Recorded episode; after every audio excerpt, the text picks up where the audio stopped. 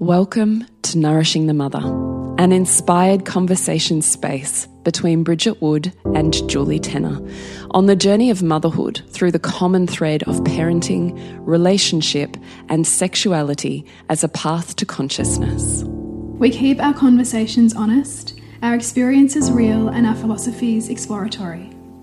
We believe that in order to raise incredible humans, we first have to raise ourselves. We know that in order to rock the family, you've got to nourish the mother.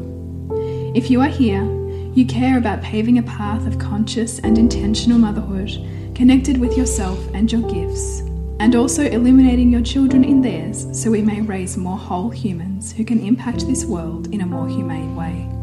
If you desire to integrate your learnings practically and supportively, head on over to bridgetwood.life or julietenner.love to go deeper.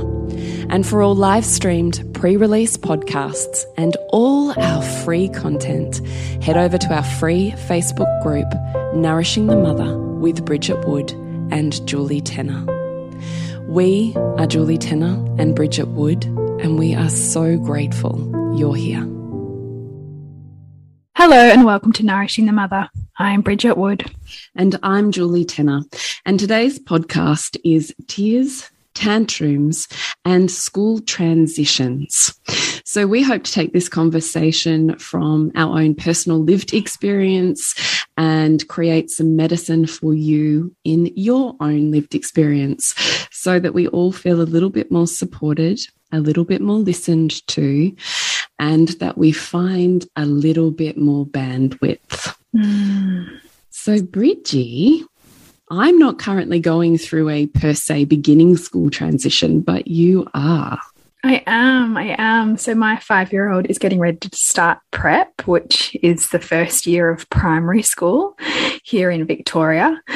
And I was commenting to my husband I said, Have you noticed she seems to be kind of taking it all right? Like, you remember when Hugo started and he like regressed and pretended to be a baby for three weeks? There's really not a lot I'm seeing in Sylvie that suggests she knows what's coming. And then this morning, I made her pancakes and she threw them across the room. And I thought, ah, good. I'm seeing it. because I think that we've got to make room and expect that big change is going to result in behavior that kind of says, I'm struggling with this change. I'm not sure. I'm feeling uncertain. Someone, you know, who's got a nervous system safer than mine, can I borrow you? Please come to me so I can feel safe again. Mm. And that's what my, my, my son was doing that through regressing into baby play, which is quite a classic um, way that children move through into new leaps, is to kind of go back and, and play the baby. Um, and I knew how to work with that. Um, but but my daughter has often her big thing has been rage rage and tears. So when the pancake threw across the room and splattered against the couch, I was like, okay, there's something here for her. She's now feeling like she can bring more.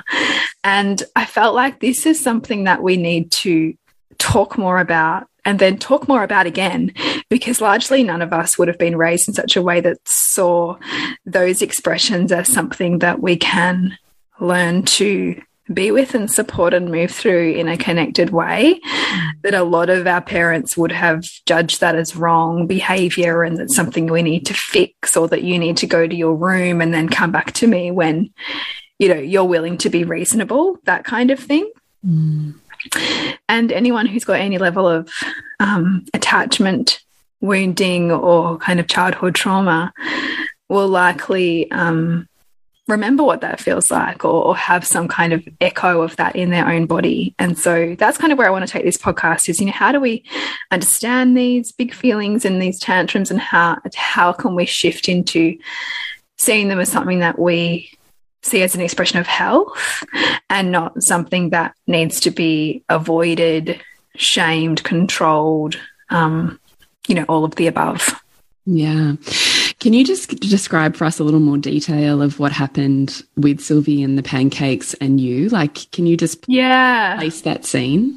Yeah. So I'm making these pancakes, and this has come after a number of um, protests about like first she wanted cereal and then she didn't want the cereal because there wasn't enough. And then I offered her the idea of the pancake and it wasn't quite what she wanted but then we kind of came to an agreement of like a little bit of honey on it so there was already a few little some mm. edginess from her. Like she definitely didn't wake up in a in feeling imbalanced or in connection with herself. So were you and, already like aware at this point in time or yes. yeah okay. I'm already noticing ah and like and I'm noticing it because I'm feeling in my body because like our children set us up to feel what it feels like to be them. So that's also why parenting is so hard because we can be drawn into like their painful feelings, their frustrated feelings, which feels hard to be around.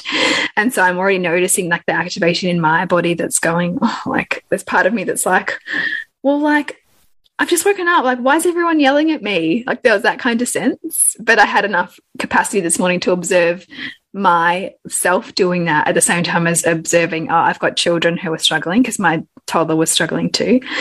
And so then I'm like, okay. And I made her what she wanted and I kind of met all of the requests. How and do you then, do that though? In terms of making her what she wanted and meet the requests. Yeah, at the same time as you're going, I'm trying to work myself out here and I'm can feel myself being pulled into dysregulated feelings. Yeah. How yeah. are you doing that? Yeah. So for me, it's a noticing the feelings in my body, like and and a kind of observing myself and where I am responding versus reacting and taking a breath and kind of noticing where like where my like brain wants to go and pausing that. And then also coming to like you know all of the perception flips or perspective flips that we learn in gentle parenting you know like, like that one. They're not giving me a hard time they're just having a hard time. And um, also just recognizing this is if I look at her not as her, and this is her personality, but I look at her as a child with a very immature brain trying to regulate herself through her challenge, then I don't, I no longer make it personal about her. I can then go, this is a, a very immature brain. Like seeing her from a from a brain or a neurobiological perspective mm. helps me yeah, to yeah. meet her. Because then I can go, this is a little brain overwhelmed right now and needs help. Yeah. Not judgment, like, you know, not, not all those other things. And I will say, like, of course, as parents, we go into like the judgment and our trigger and all of that kind of thing. But this morning it wasn't that. This morning I could be with it. Yeah. So I walk over with the, you know, the plate and the knife and fork. And I think the pancake either wasn't big. First, it wasn't big enough, it was too small. And then I think she must have tried to eat it and it didn't like flip the way she wanted it to. Like it just wasn't, nothing was right. You know that feeling? Like you just, yeah, yeah, yeah. nothing was working. And so she just picks it up off her fork and just flicks it over the, over her shoulder, like onto the couch. Yeah. I'm like, okay. What did she do next? Started crying. Mm. So then I'm like going to her and I just sat with her, left the pancake, and just like there's a part of me that really wanted to know what was wrong. Like my brain was like, well, what's wrong? Like, you know, that part of you that's like, mm. I need to know this. And then I was like, no, no, it doesn't matter. It actually doesn't matter what's wrong. What just matters now is me just being here with her. Like yeah. me working on my regulation. Yeah. And her using that as something to help her come back into connection with herself again. Yeah. And I mean, and sometimes it's like, depending on how we're going, like sometimes it's just, it takes, it takes everything for us to just not lose ourselves in that moment. Mm. So it can mean like, what do I need to connect to myself? I need to like move my legs. I need to like squeeze my arms. I need to do something to, to stay here in this moment with her and not go to all the things I want to make it mean you know, that she's ungrateful and doesn't she know how much I've done for her? And doesn't she understand what it feels like to wake up, you know, and be yelled at? Like, whatever story you want to come up with, right? Like, all of them go to the side to just be with the child who is struggling. Mm. And then we just, I just sort of breathed with her to the point where she could really come in and cuddle and, and be close. And then I'm saying to her, it's like you're really struggling. And just threw the pancake. And she's still not really saying anything. And so once she felt settled again, I said, oh, Do you think we should go make another one? And she's like, Yep. And only like well after she's eaten, because remember, like the brain, like, you know, our, our, our neuro, like neurochemistry is also influenced so much by hunger. And so there's definitely no point in working through reasoning with teaching the child who just needs to eat first. Mm. And so, like, I make another pancake, talk to her, and then, like, later on, I'm talking to her about, like, you know, you threw the pancake. Like, that was pretty big feeling. So, what was going on there? And I still didn't get a lot from her. But again, I'm less focused on, like, we don't throw food because it's not really, she doesn't want to throw food. She wouldn't throw food if she didn't need to in that moment. If it wasn't food, it would have been something else, right? Yeah. So I don't even see it as she needs to learn to be respectful for, of food or she needs to not throw food because it would have been whatever was in her hand at that moment that she was needing to respond to mm -hmm. right so kind of as a moot point because if you meet the need then the then the challenging behavior goes away like and this is this whole thing i think in child development where we try to teach children who aren't developmentally ready um, concepts they are always going to fail at right? Like sharing, perhaps, if the child's too young, or like throwing things when they're dysregulated. Like if you meet the, if you help them come into regulation, then the very thing that's a problem for you will go away. Yeah. And it did, like, but I recognized, like, then she wanted to have a bath. So, okay, yeah. So the water's going to help her um, regulate. And then I thought, okay, the girls are in the bath. I'm going to make some Play Doh. And then they both did Play Doh together because they've also got like a, a day most of the day with their dad today, who's amazing, but also a little less aware of this stuff. So I want to set them up as best as possible to be for their baseline to be good. And so that was what the Play Doh did this morning, which was really good for them. Um, yes, that's kind of my thoughts on how to roll with that kind of thing that I mm see sometimes. And then with her, and then now thinking, okay, I want to pay this is a child now who needs more of my lens on her with what you know with clearly what's coming and you know I, I wrote a post about it today and i was like if i wasn't seeing her like this i'd be a little bit concerned because then i would think that maybe she's actually not aware of the big change that's coming mm. and that there's actually either denial of it or just complete lack of awareness and so this kind of behavior just tells me, ah, she's working through something. So I want to put more attention on how I can support her to work through that. Yeah, I love that that you're seeing the in in quotes bad behavior is functional.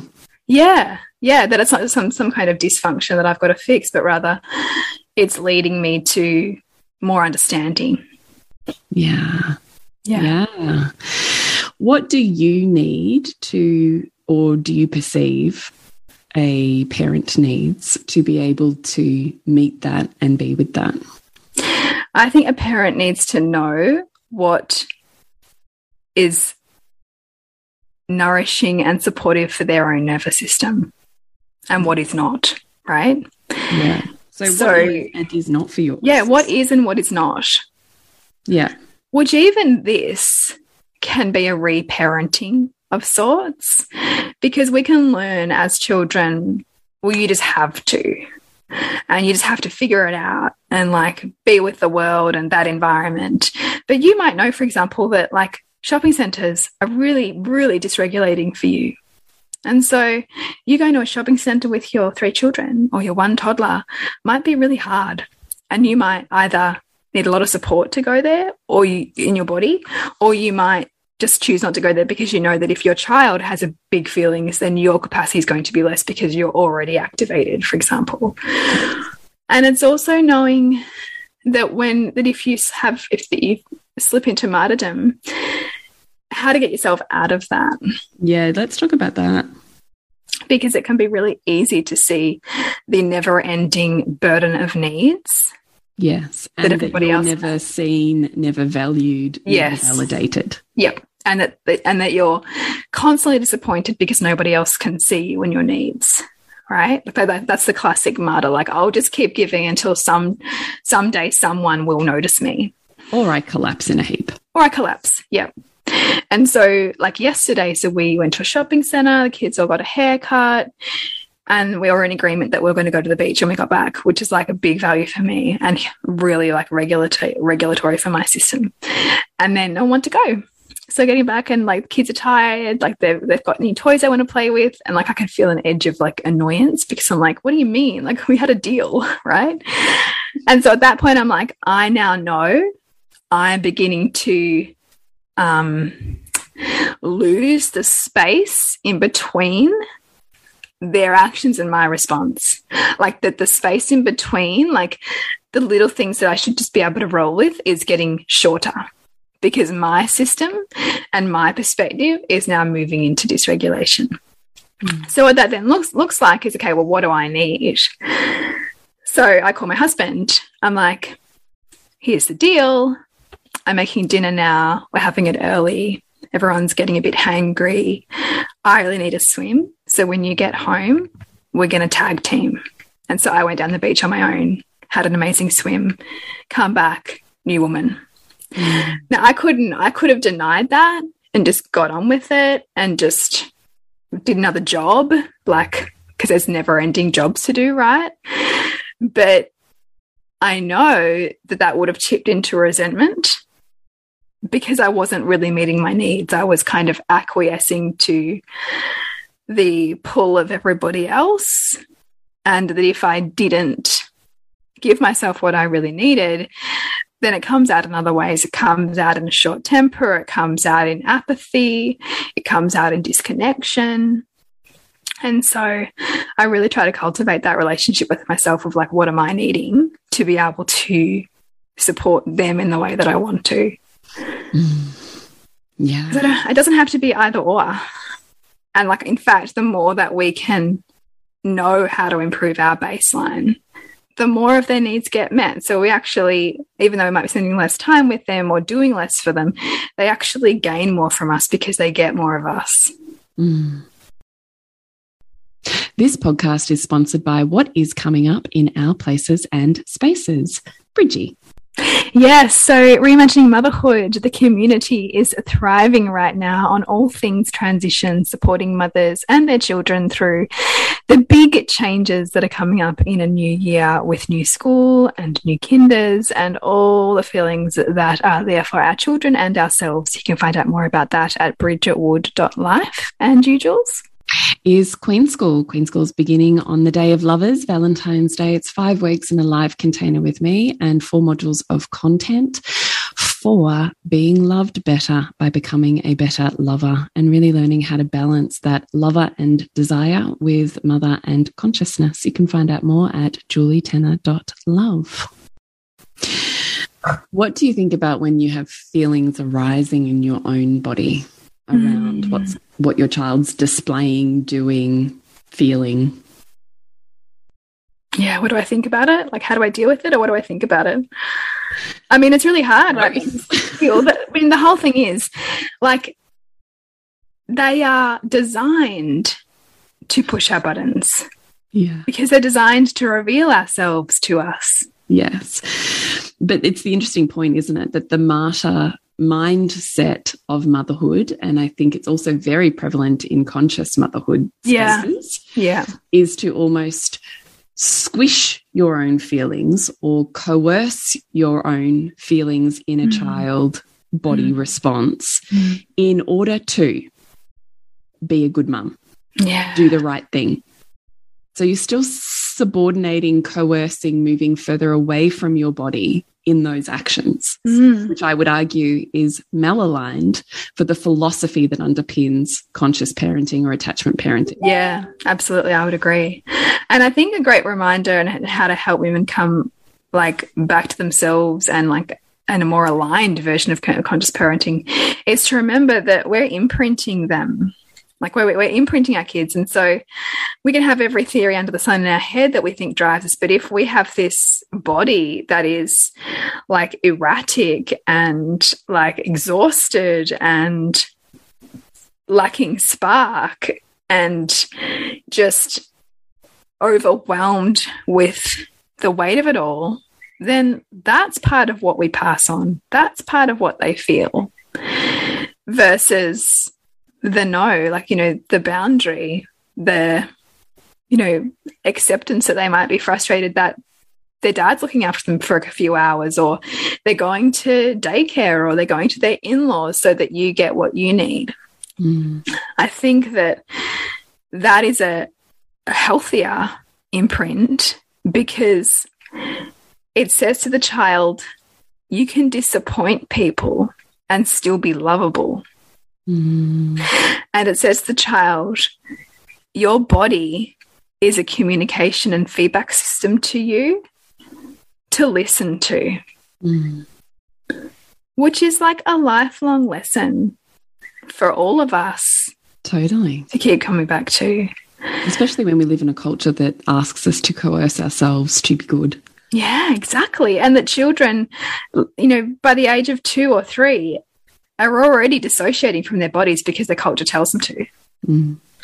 And so it's actually a radical act to circling back to the pancake throwing, to honor the pancake throwing for my daughter's body doing exactly what it needed to do in that moment. Mm. Mm. Right? Her body was doing exactly what it needed to do to try to restore her back to health. Mm.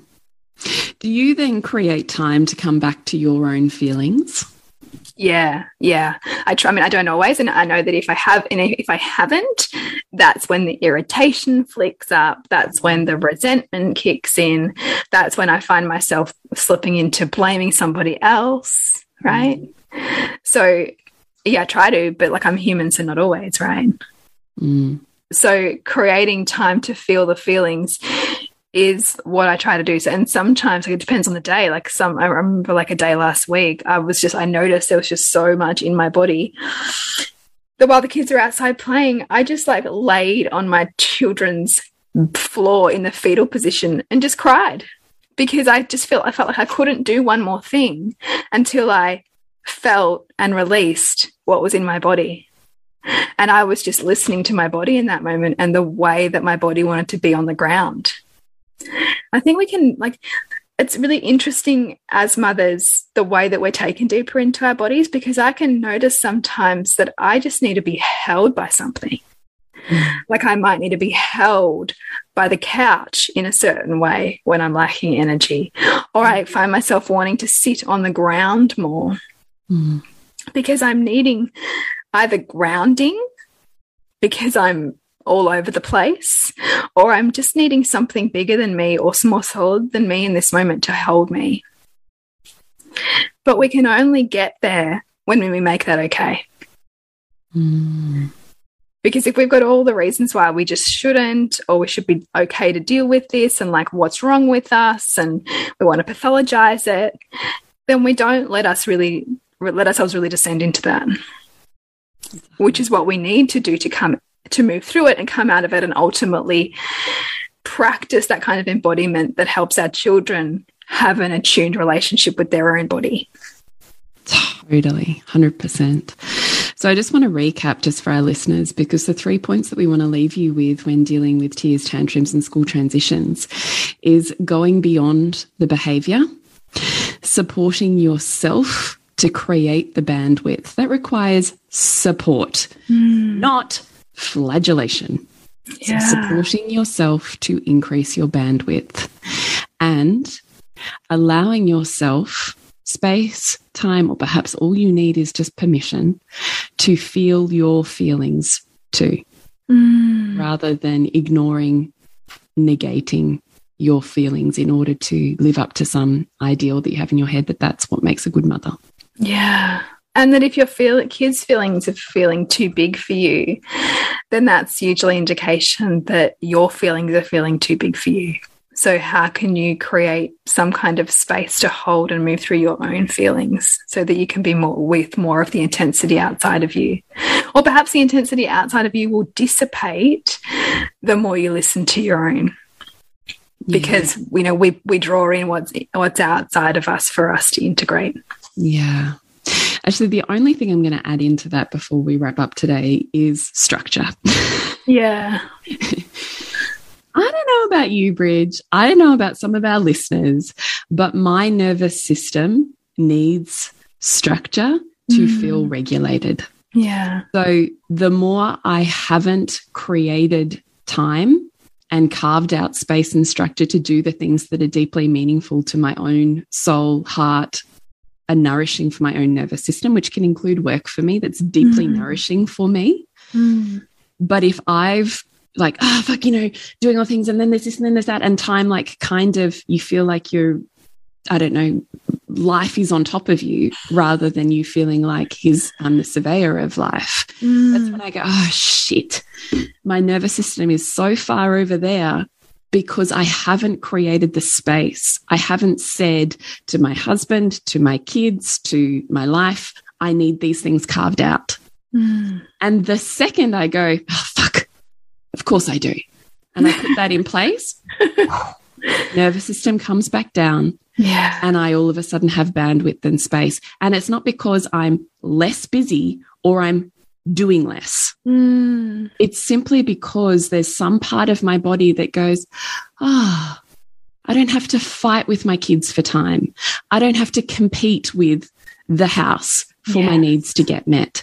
Everything has its time and its place. So I can just kind of relax as a passenger and enjoy each one of these moments.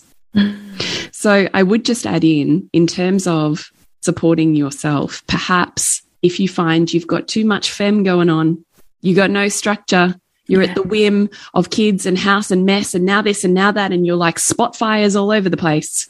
Mm. Time to get some structure, girlfriend. Yeah, and that's such a good point. It's actually a great segue to something that I'm talking with Tara Arcabelli, who's coming back into um, my membership this year for Liberate, which is something that you and I have done. Mm. Um, and we're really focusing a lot on the nervous system because everyone wants to talk about the nervous system and building capacity in your nervous system, right? But how much are we talking about all of the impacts around you on that nervous system that if you're not managing those, you can't hold shit, right? Like if you don't have the structures to hold you, then how are you holding anything else? And classically, for so many of us, we play out the home life or the chaos or order that was present in our childhood home as adults with our own kids. Mm. And so like I know what happens in my nervous system when there's like too much stuff in a particular spot or I'm like not asking my kids to get their own water or like you know I'm flipping into kind of overgiving that I've not held my structure up or I've let old patterns yeah, slip in. Yeah, totes. Me too.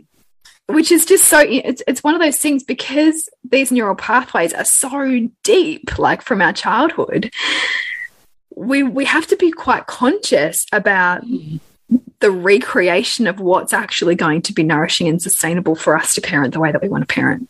There has to be self governance, which yeah. requires self awareness. Oh shit, I'm back here again. Yeah. Oh, that's right. That slipped off. Well, that's right. I do this at this time of the day because I want to get this need met, but actually, no, instead I'm numbing.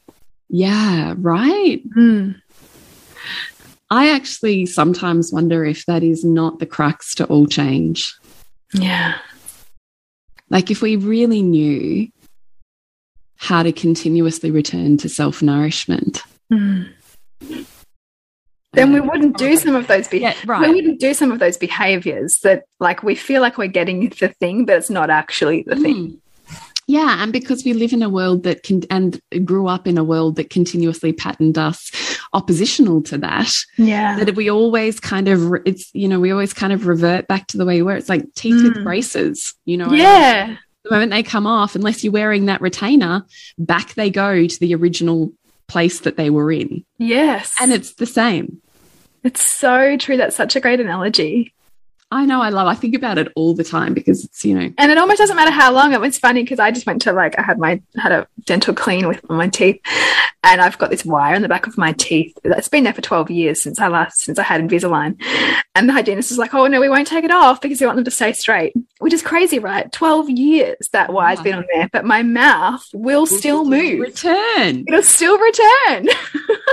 right. So this is why, like, you know, you and I hammer on all the time about like this is conscious parenting and conscious relationship and conscious life is just a constant practice right, because exactly. you will you are still wired neurologically yeah. to go back into your patterns totally which is also why community and supporting yourself with people 100%. with a similar vision yeah to be the reflector for you is so powerful Totally. And who you surround yourself with is the result of your reality. Right? Yeah. Yeah.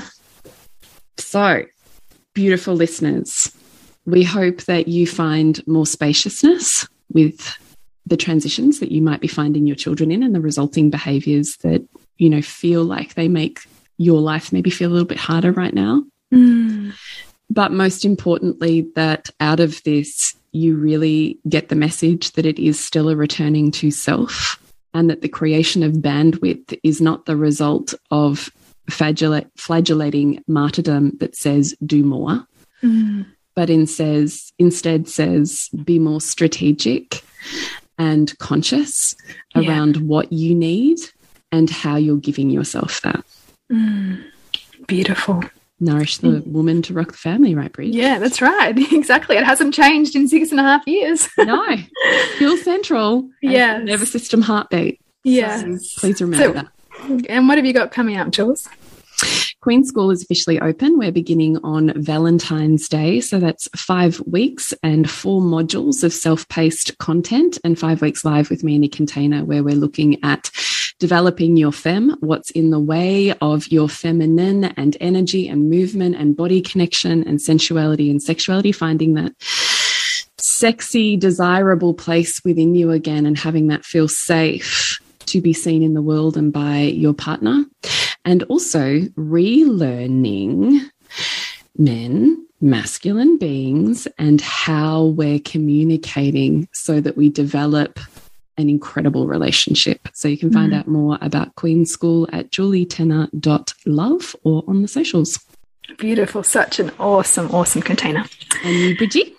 So I have reimagining motherhood, the community. So we are moving through Thrive through transitions. So we're kind of about halfway through. So for anybody who is going through starting school, starting kinder, um, and needs some practical support as well as some holding and nourishing, that is the place to be. So we've actually got a women's circle coming up online on Friday the 28th to really hold mothers um, through their own kind of unbecoming and unraveling so that they can really move through their child's transition in a way that feels nourishing and that they can really be present for. Mm-hmm. Um, and so I would really invite you to come and join me in the membership if that's something that calls you in this season of your mothering. You can find out about that at bridgetwood.life. And you can contact us at nourishingthemother.com.au, Nourishing the Mother on the social channels. And we would love to hear from you if you have a podcast request or a question that we can take a little bit further in our discussion. So please reach out. Yes. Remember to nourish the woman to rock the family. And we'll see you next week when we continue to peel back the layers on your mothering journey. Thank you so much for listening. We literally couldn't do this without you. Please share this podcast with anyone you think it would be medicine for. If you desire to integrate your learnings practically and supportively into your life, then head on over to bridgetwood.life or julietenner.love to go deeper. And if you feel like giving back a little to this free content, please rate us on iTunes or Facebook, all of which helps the podcast reach more mamas who need this type of tonic for the soul.